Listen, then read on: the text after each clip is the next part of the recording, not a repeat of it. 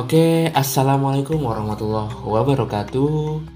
Halo Transbro dan Transis kalian Di mana pun kalian berada Semoga kalian dalam keadaan sehat walafiat. Begitupun kita di sini. Transbro dan Transis kalian Senang sekali pada episode kali ini uh, Ada Azam ada Ahmad Rafi dan Ikal menemani kalian di sela-sela waktu kalian. Pada episode ini kita akan bahas yang lagi hot-hotnya atau yang akan terjadi nih di bulan depan yaitu SO6 atau switch over 6 di stasiun Manggarai. Nah, sebelum kita lebih jauh bahas SO6 terus evaluasi yang SO5 kemarin. Kita mau bahas dulu nih. Ya secara singkat apa sih SO itu? Jadi SO itu switch over ya transpro dan transis. Hmm, pengertiannya sih kayak pergantian atau peralihan sistem persinyalan operasional atau pelayanan untuk ya tujuannya meningkatkan penggunaan kereta api ya mungkin Transpro dan Transis sudah familiar lah dengan kalimat switch over di stasiun Manggarai yang SO5 kemarin tuh bikin heboh banget lah ya. Nah, di sini kita bakal bahas nih bagaimana sih uh, evaluasinya terus juga SO SO sebelumnya dari SO awal sampai SO 6 nanti gitu dan planningnya ke depannya. Di sini ada Ahmad Raffi yang akan jelasin nih. Oke Mas, jadi gimana nih Mas soal switch over nih? Mungkin bisa dijelasin dulu nih secara bahasa singkatnya atau bahasa mudahnya sih switch over tuh gimana sih atau switch over tuh apa sih? Ya terima kasih atas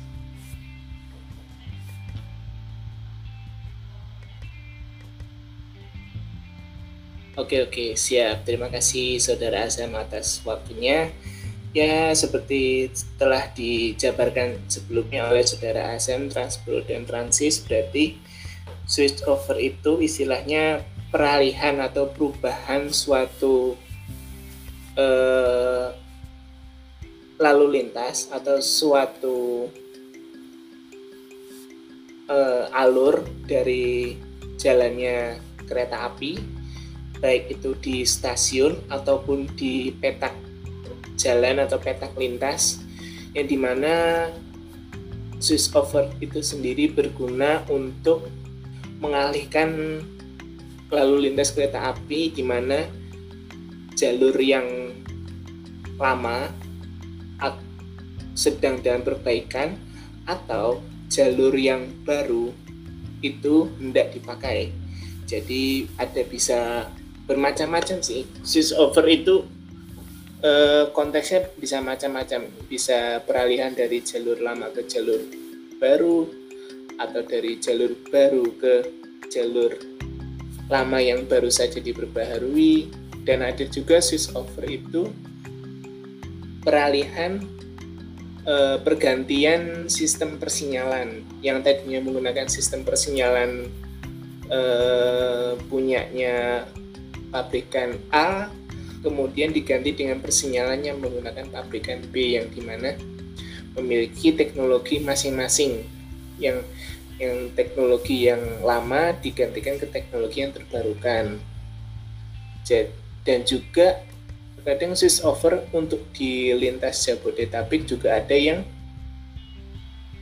menggunakan apa peralihan alur listrik aliran atas itu juga berkaca dari sebelumnya itu pergantian jalur perpindahan alur jalur lalu lintas kereta api itu juga berpengaruh juga bagi lalu lintas yang memiliki layanan kereta rel listrik. Jadi LAA tersebut juga mengalami perubahan mengikuti alur jalur yang berubah di bawahnya.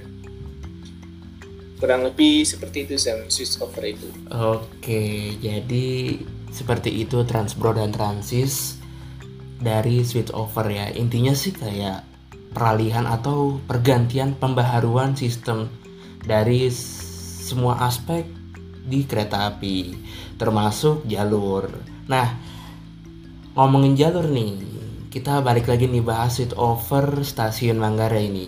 Udah ke udah SO6 aja nih nggak kerasa nih yang akan dilakukan Iya, nanti banget. di bulan November.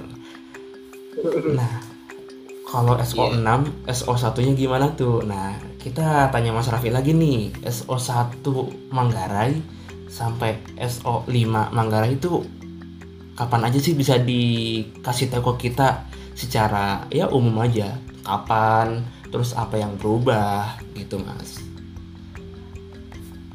Oke, terkait switch over di stasiun Manggarai ya. Oke, jadi stasiun Manggarai sendiri sampai dengan saat ini sudah mengalami proses SO atau switch over hingga lima kali. Sampai terakhir kemarin bulan Juli ya, kalau nggak salah ya. Bulan Juli. Dan nanti akan ada switch over lagi. Switch over ke-6. Nah, rumor yang beredar itu ada yang bilang bulan November, ada yang bilang juga bulan Desember, dan ada kemungkinan juga molor mungkin awal tahun depan tergantung kesiapan prasarana yang akan di switch over nanti. Oke, mengenai switch over di Manggarai sendiri, kalau dari gua kurang hafal ya itu switch overnya itu sudah berapa kali aja dan di pas yang keberapa itu switch over 1 sampai dengan 4 itu gue kurang begitu hafal tapi sekiranya gue pak sedikit paham ini peralihan jalur dan sekiranya tahun di mana jalur itu dialihkan. Oke dimulai dulu kurang lebihnya sekitar tahun 2015 itu eh, ketika masih ada sepur simpan atau tempat stabling untuk kereta api tak jauh entah itu yang dari Gambir ataupun dari Pasar Senen itu masih dalam batas perencanaan. Dan di situ tahun itu juga sedang adanya pembangunan penyeberangan bawah rel, bawah tanah atau underpass jadi yang berguna untuk eh, mempermudah pengguna kereta untuk menyeberangi jalur kereta api dengan melewati jalur bawah tanah. Itu selesai kira-kira tahun 2017 kalau nggak salah. Nah, setelah beberapa bulan selesai dan dibuka akhirnya penyeberangan bawah tanah tersebut bisa digunakan. Kemudian pada tahun 2017 sendiri itu mulai 2016-2017 itu peralihan ya itu mulai beberapa jalur simpan atau jalur stabling kereta api jarak jauh yang selesai ataupun akan berdinas itu mulai dicabut, mulai dihilangkan. Kemudian bekas tanah atau rail bed-nya itu kemudian dipadatkan dan beberapa juga ada yang dikeruk, digali dalam rangka untuk membuat pondasi eh, bangunan yang akan berdiri di lokasi itu. Pembangunannya Manggarai sendiri itu dimulai dari sisi sebelah barat atau dari X jalur sepur simpan Manggarai. Dimulai dari sebelah barat. Itu runtut beberapa tahun itu 2016 akhir, 2017 pertengahan, 2018. Nah, di tahun 2018 walaupun bangunannya belum begitu jadi banget, itu di bawah di bekas persimpan itu nah diaktifkanlah dua jalur dan itu juga bertepatan dengan pengoperasiannya kereta api Bandara Soekarno-Hatta. Nah, saat itu kereta api Bandara Soekarno-Hatta belum naik dan turun turun penumpang di stasiun Manggarai.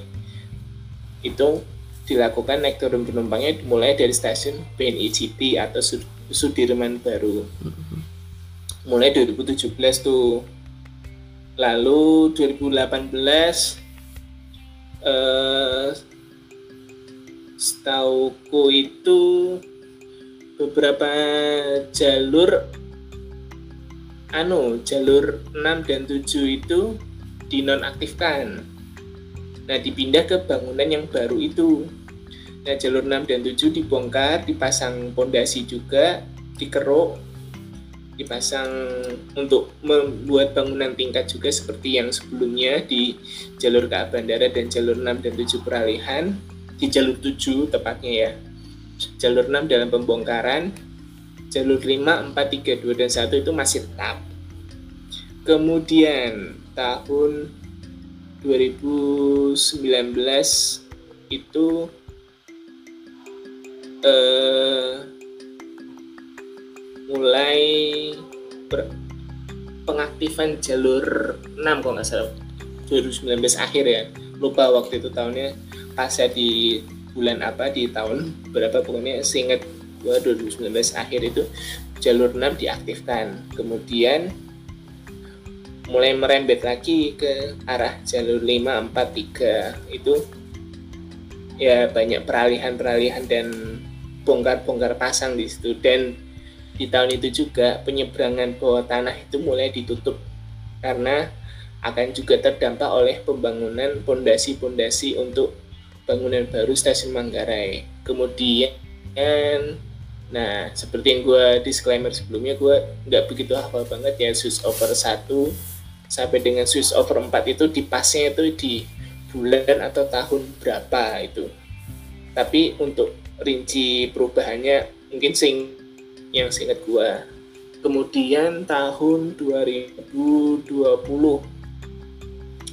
2020 masih dengan jalur yang sama tetapi jalur atas mulai sedikit terlihat ya. Jalur atas untuk Bogor Line sekarang itu mulai terlihat. Ya tapi belum dipakai secara permanen belum dipakai tapi masih dalam proses pembangunan dan uh, penyelesaian kemudian tahun 2021 pertengahan itu mulai dipasang rel di bangunan atas stasiun Manggarai untuk line Bogor. Dipasang rel, dipasang persinyalan, dipasang jaringan listrik aliran atas. Setelah semua selesai dan siap dicek ulang.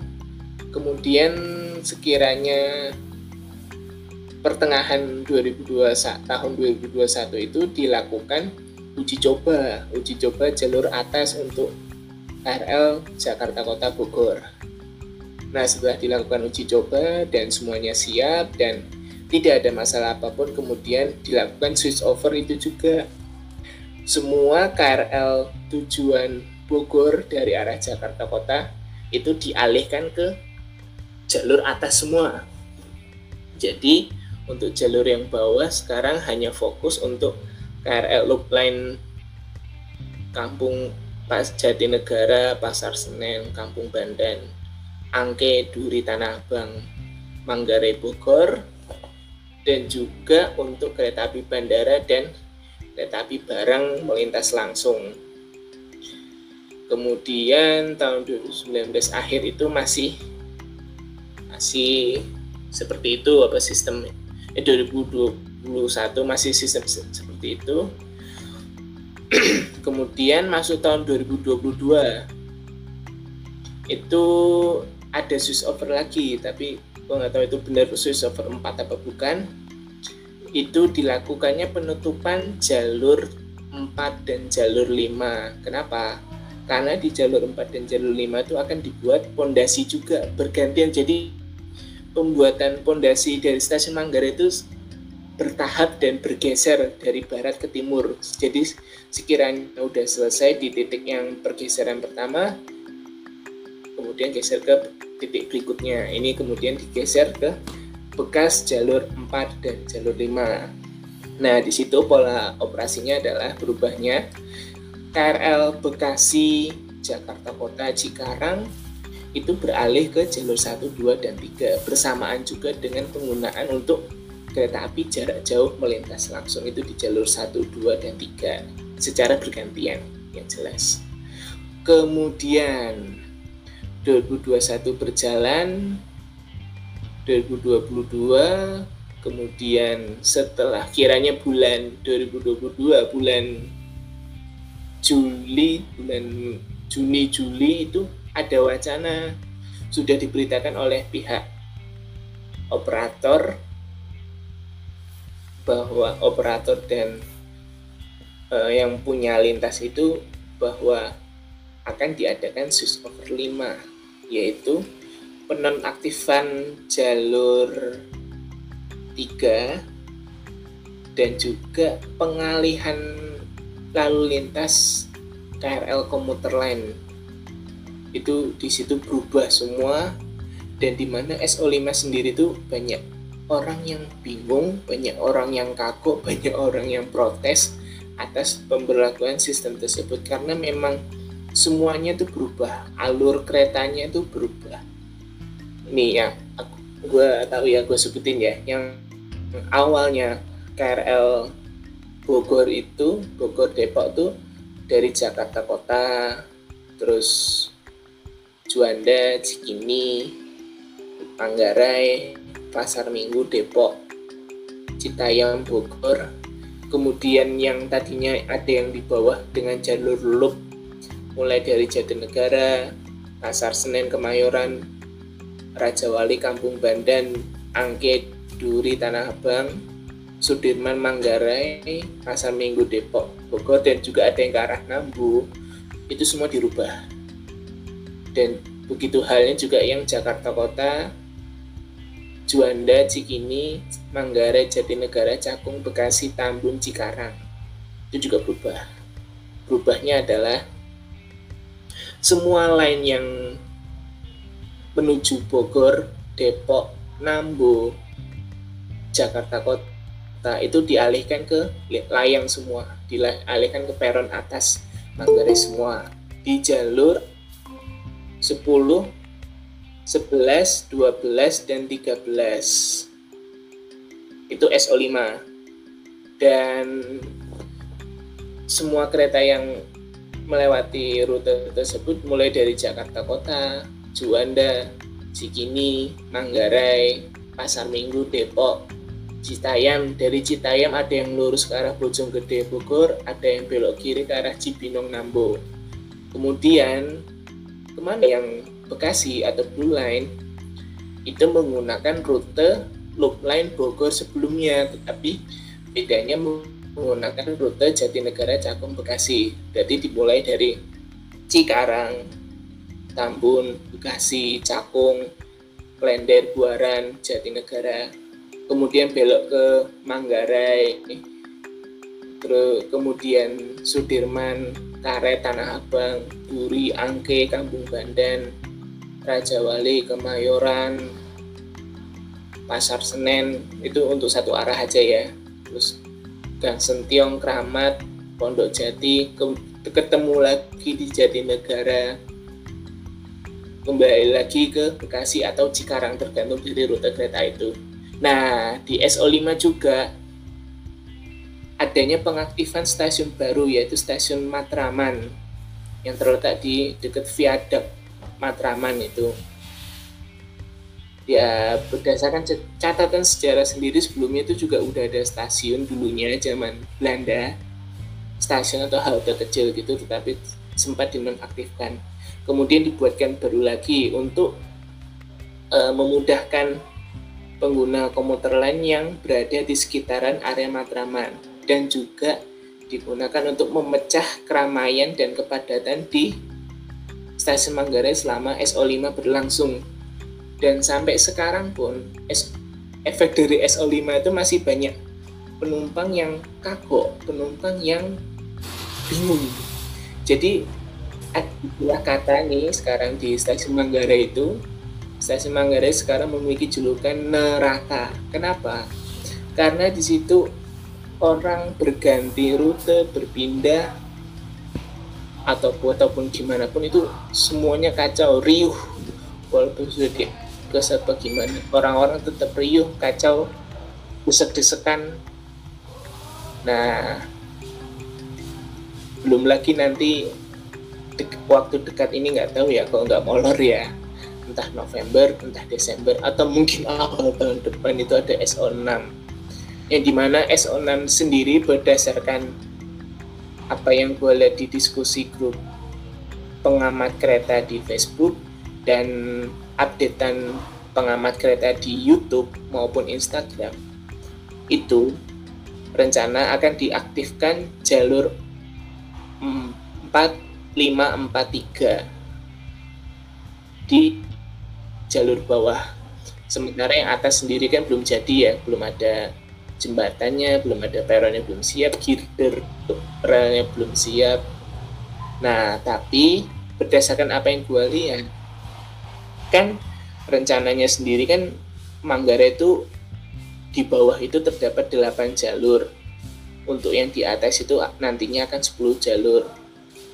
Nah, rinciannya 8 jalur di lantai dasar itu rencananya kalau tidak meleset ya, nggak tahu nanti berdasarkan kebijakannya gimana. Rencana awalnya itu 4 jalur untuk kereta loop line Bekasi, Cikarang, Bekasi, Manggarai, Kampung Bandan, muter lagi ke Bekasi, Cikarang.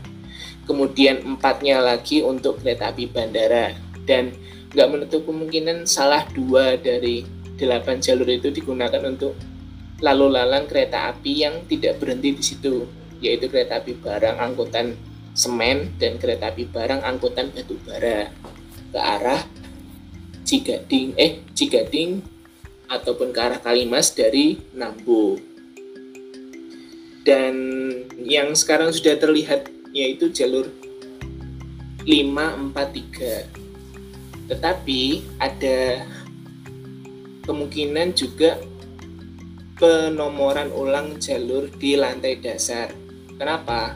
Karena kalau dihitung dari posisi sebelah barat, yaitu jalur kereta api railing, nah mungkin agak sedikit sulit membayanginya, tapi kalau buat transport dan transis ataupun teman-teman di sini yang sering ke Manggarai, mungkin agak sedikit kebayang. Nah, jalurnya tapi bandara tuh sekarang jalur 9 kemudian jalur untuk kereta KRL Bekasi ke arah Bekasi Cikarang lewat Matraman jalur 8 jalur 7 untuk KRL yang ke arah Sudirman Tanah Abang Kampung Bandan. Jalur 5 untuk feeder eh jalur 6 untuk feeder. Jalur 7 tadi untuk ke arah Kampung Bandan, jalur 6 untuk feeder, 543 sementara non aktif, 2 dan 1 itu untuk kereta api jarak jauh. Nah, kalau kalau rencananya bakal 8, coba ambil analogi jalur satunya dari kereta api bandara 1. Kemudian jalur 2-nya untuk yang ke arah Matraman, Jatinegara, Cakung, Bekasi, Cikarang. 3 itu yang ke arah Tanah Abang, Duri, Kampung Bandan. Empat itu yang biasa dipakai untuk feeder. Lima itu yang sekarang di sebelahnya jalur enam itu sekarang sudah terlihat pemasangan jalur dan pemasangan sinyal keluar di sisi selatan dan utara. Kemudian empat itu jalur itu yang lima tadi jalur belok. Kemudian empat jalur enam kemudian lurusan itu kemungkinannya untuk melintas langsung kereta api jarak jauh dari arah stasiun Gambir 6 itu ya dari arah stasiun Gambir. Kemudian jalur 3 itu sebelahnya lagi masih jalur lurus. Jalur, eh, jalur 7 jalur 7 itu mengar untuk yang ke arah Cikini Gambir melintas kereta api jarak jauh ataupun area loopman nanti tergantung nggak tahu pola operasinya mana kemudian 8 paling ujung sendiri. Sebelum jalur satu dan jalur dua existing nah kalau dihitung kan berdasarkan jalur yang sudah ada sama yang rencana udah kelihatan bentuknya itu sudah 8 nah ada kemungkinan X jalur satu dan jalur 2 itu nanti mungkin bisa dijadikan area konkurs ataupun uh, area untuk pemasangan tiang-tiang panjang untuk bangunan di atasnya. Tapi ya nggak menutup kemungkinan juga DCKA membuat jalur lagi di situ tapi nggak tahu ya. Nanti kita lihat setelah SO 6 nah mungkin seperti itu ya perjalanannya dari SO pertama sampai dengan SO 5 ini. Dan sambil kita menunggu SO 6 nanti bakal seperti apa yang dipakaikan ya. Oke tapi kira-kira dari untuk switch over 6 itu udah ada gambaran belum sih apa aja yang akan berubah nanti di stasiun Manggarai di SO6? Oke, yang bakal berubah ya itu tadi ya mungkin yang sedikit yang terakhir gue sebutin itu yang jalur baru ini yang sudah terlihat nih ya di jalur 5 4 tiga. Nah nggak tahu nanti penomorannya gimana ya. Tapi berdasarkan urutan nomor yang sudah ada sekarang kan 9 railing 8 KRL ke arah Matraman 7 KRL ke arah Sudirman 6 buat untuk feeder. Nah yang 5 yang baru ini nih untuk sudah kelihatan bentuknya. Itu nanti kemungkinan juga untuk KRL Loop Bekasi Cikarang 4 dan 3 itu yang lurus jalur lurus itu untuk melintas langsung kereta api jarak jauh udah pasti ya. Kemudian ada satu jalur lagi jalur dua itu nggak tahu ya hitungannya gimana tapi kayaknya itu masih lama ya karena di bagian atasnya sendiri itu masih bakal ada pembangunan. Jadi yang diutamakan yang sudah bangunan di atasnya itu sudah jadi. Itu jalur 5 jalur 4 jalur 3 yang baru. Tapi nggak tahu nanti untuk penomorannya gimana tergantung pihak stasiun Manggarai dan DJKA dan nantinya juga jalur 1 dan 2 itu bakal ditutup untuk sementara waktu ataupun permanen karena nanti di area jalur 1 dan jalur 2 itu akan dibangun tiang panjang untuk menyokong bangunan di atasnya dan juga akan bakal diperhitungkan juga di area tersebut karena di Manggarai sendiri itu punya bangunan utama yang termasuk cagar budaya bangunan utama stasiun Manggarai itu merupakan cagar budaya jadi tidak bisa sembarang dihancurkan. Jadi bakal dihitung juga gimana untuk penanaman pondasi eh, tiangnya itu seperti gimana nanti masuk alat beratnya gimana, perataan tanah dan penghancuran bekas peron jalur satu dan jalur 2 nya seperti apa? Kurang lebihnya seperti itu. Oke. Oke transport dan transis. Jadi udah ada gambaran kan soal switch over 6 stasiun Manggarai. Nah kita jangan lupain SO5 dari stasiun Manggarai ini ada banyak yang harus dievaluasi. Nah Uh, eh, gue pengen tanya ke Ikal nih, menurut lu apa yang perlu dikritisi nih dari evaluasi SO5? Monggo Kal. Atau mungkin oh. enggak SO5 aja sih. SO SO sebelumnya juga bisa dikritisi atau dievaluasi lah dari stasiun Manggarai ini. Oke, Se sebelumnya pertama-tama sih gue bilang semua ini adalah bentuk dari ground paint memimpin pembangunan stasiun sentral Manggarai. Nah, memang titik terkrusialnya adalah dari switch over kelima ya, atau SO5.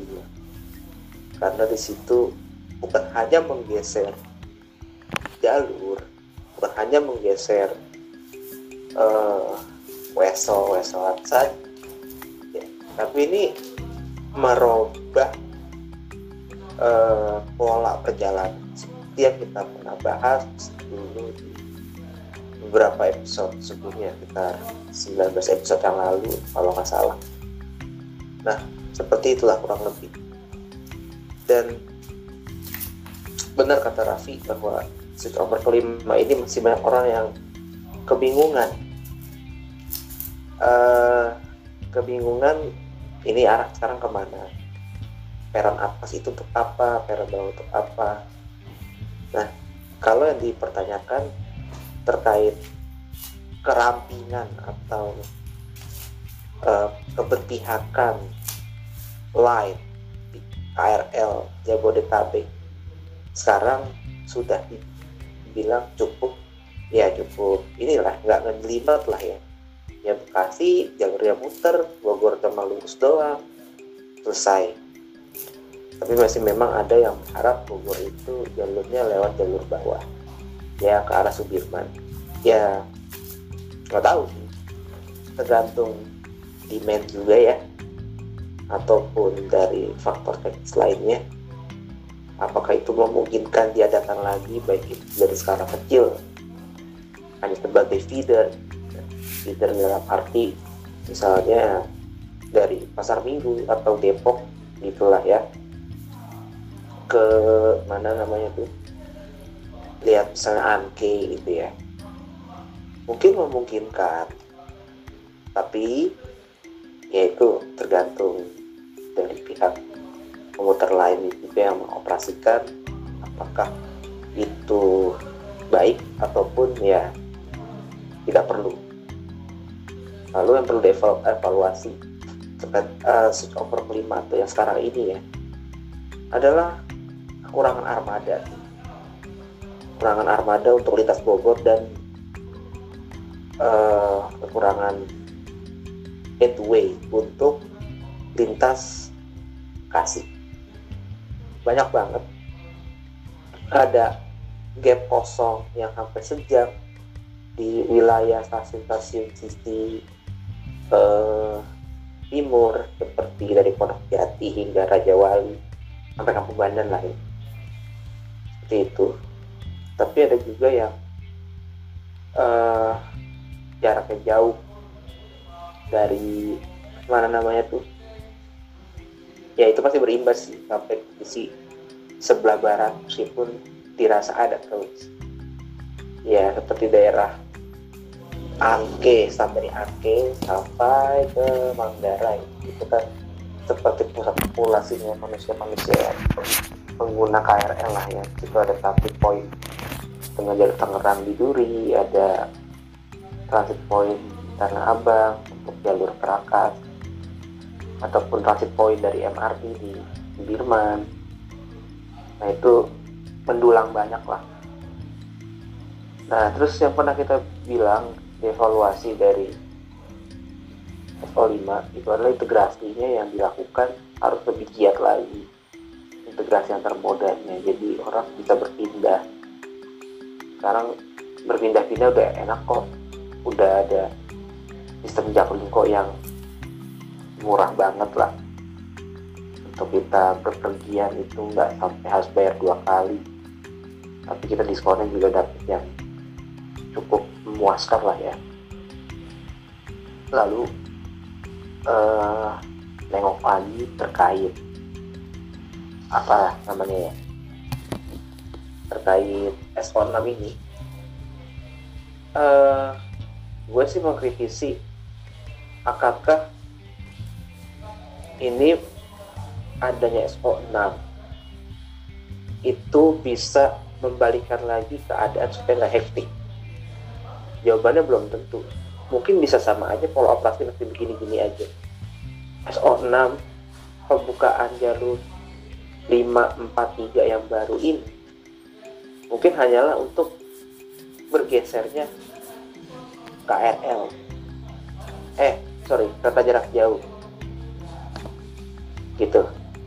Kereta jarak jauh dilintaskan di jalur bangsa. Ya jalur 3, jalur 4 yang dirasa itu jalur lurus dari Cikini sampai ke negara.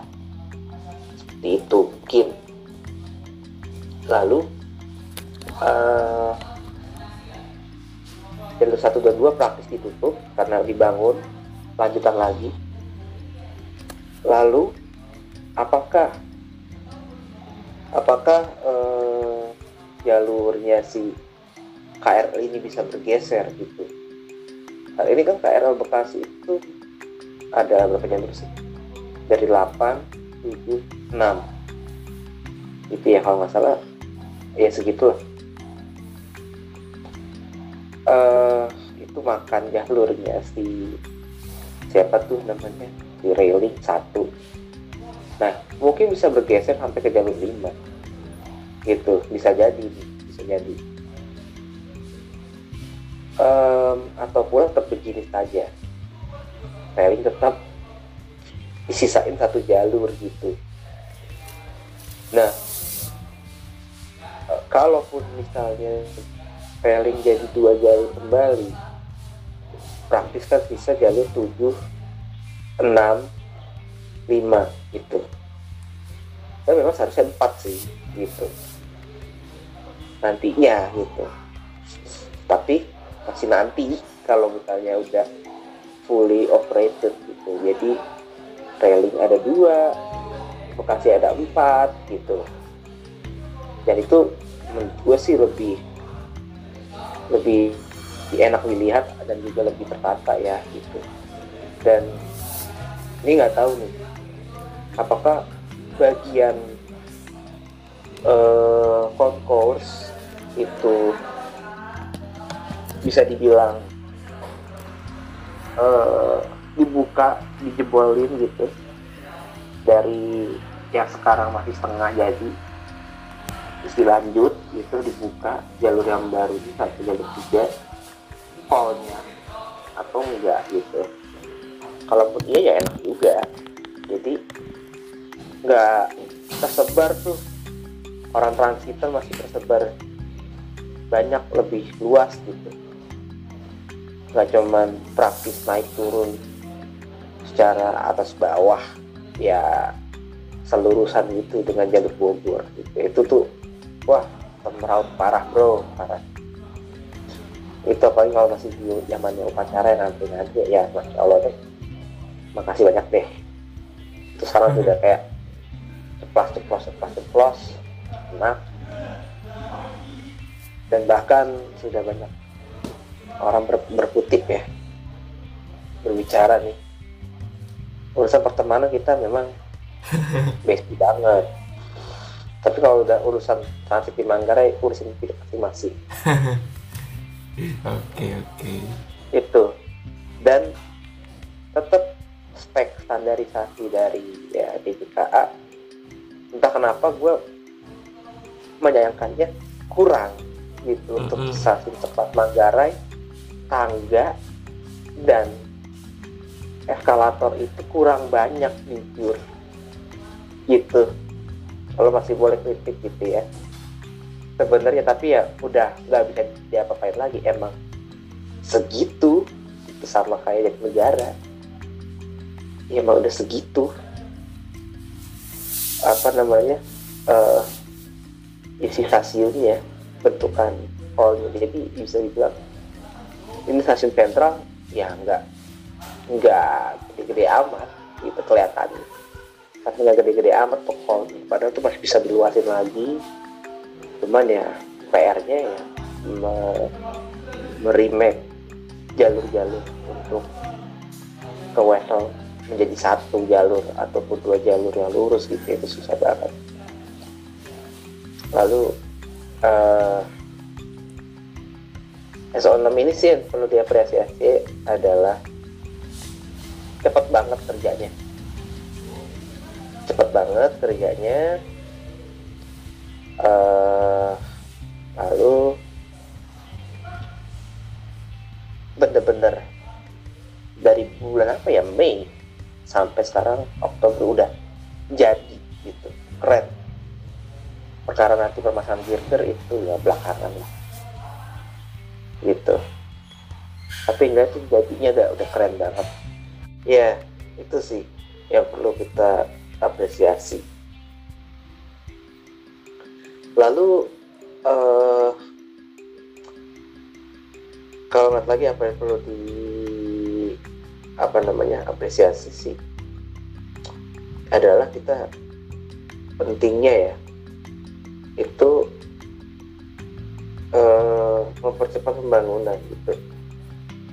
Bukan menarget apa-apa tahun apa-apa gitu ya tapi ini adalah pentingnya stasiun sentral Manggarai ini harus selesai gitu. Lalu sama mau kritis lagi terkait sosialisasi mungkin kayaknya nggak akan semasif SO5 nggak tahu juga sih tapi perasaan gue nggak terlalu nggak terlalu semasif SO5 karena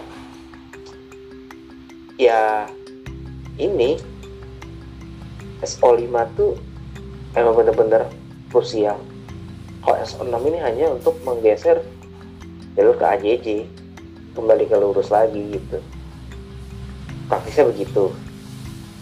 Nah um, terus lagi ya sosialisasi paling terkait ya perlintasan sebidangnya ataupun perihal uh, dibuka uh, jalan uh, peron peron 5 untuk KRL arah ini. Oh boleh itu disosialisasikan. Paling terkait itu sih terkait uh, nanti seperti apa gitu ya. Nah terus juga apalagi sih ya? Um, terkait SO6 ini sih itu sih kalau bisa dikritisi kurang lebihnya ya. Dan juga nanti kan ada SO7 nih untuk jalur 1 dan 2 ya itu nggak tahu mungkin akhir 2023 kan ya semoga sih akhir 2023 gitu ya. Iya. Jadi untuk apa namanya main buildingnya si Manggarai ini bisa selesai tapi tetap yang perlu tetap masih harus dikritisi tentang Manggarai ya. Keseluruhannya adalah tata guna lahan di sebelah sebelahnya dan juga interkoneksi interkoneksi yang sebenarnya potensi banget ya kayak ke pasar raya. Itu terus juga ada hal pembangunan halte Manggarai yang baru. Meskipun ini masih meskipun. Haltenya sih jangan terlalu ngarep banyak ya untuk integrasi sama KRL gitu sama hasil gitu ya. Enggak. Sama aja cuma dibagusin. Padahal sih berharap oh itu nyambung nyambung banget gitu ya sama terminal sama apa namanya tuh uh, hall yang barat itu barat itu barat tuh. Itu bisa nyambung. Manfaatlah ruang atas gitu sebenarnya ya. Cuman nggak tahu deh nggak mau berharap banyak pokoknya begitu aja. Sebenarnya masih bisa dimanfaatkan banyak dan juga bisa dirombak lagi di masa depan. Di sisi barat terutama ya. Apalagi kalau untuk ngomonginnya masalah tata kota juga masih bisa di diakalin lah gitu. Di sisi samping baratnya balai asa segala macam ataupun di parkiran vertikal di sisi selatan bagian timurnya gitu ya. Yang sekarang itu untuk ya bongkaran proyek gitu ya. Itu nanti kalaupun di parkiran vertikal gedung parkir gitu ya terkoneksi dengan stasiun itu akan lebih bagus banget gitu. Karena kan ini untuk akhir dari kata jarak jauh untuk menggantikan jambir itu membutuhkan parkir yang besar. Di mana tapi lingkungan depan Manggarai itu gitu-gitu aja.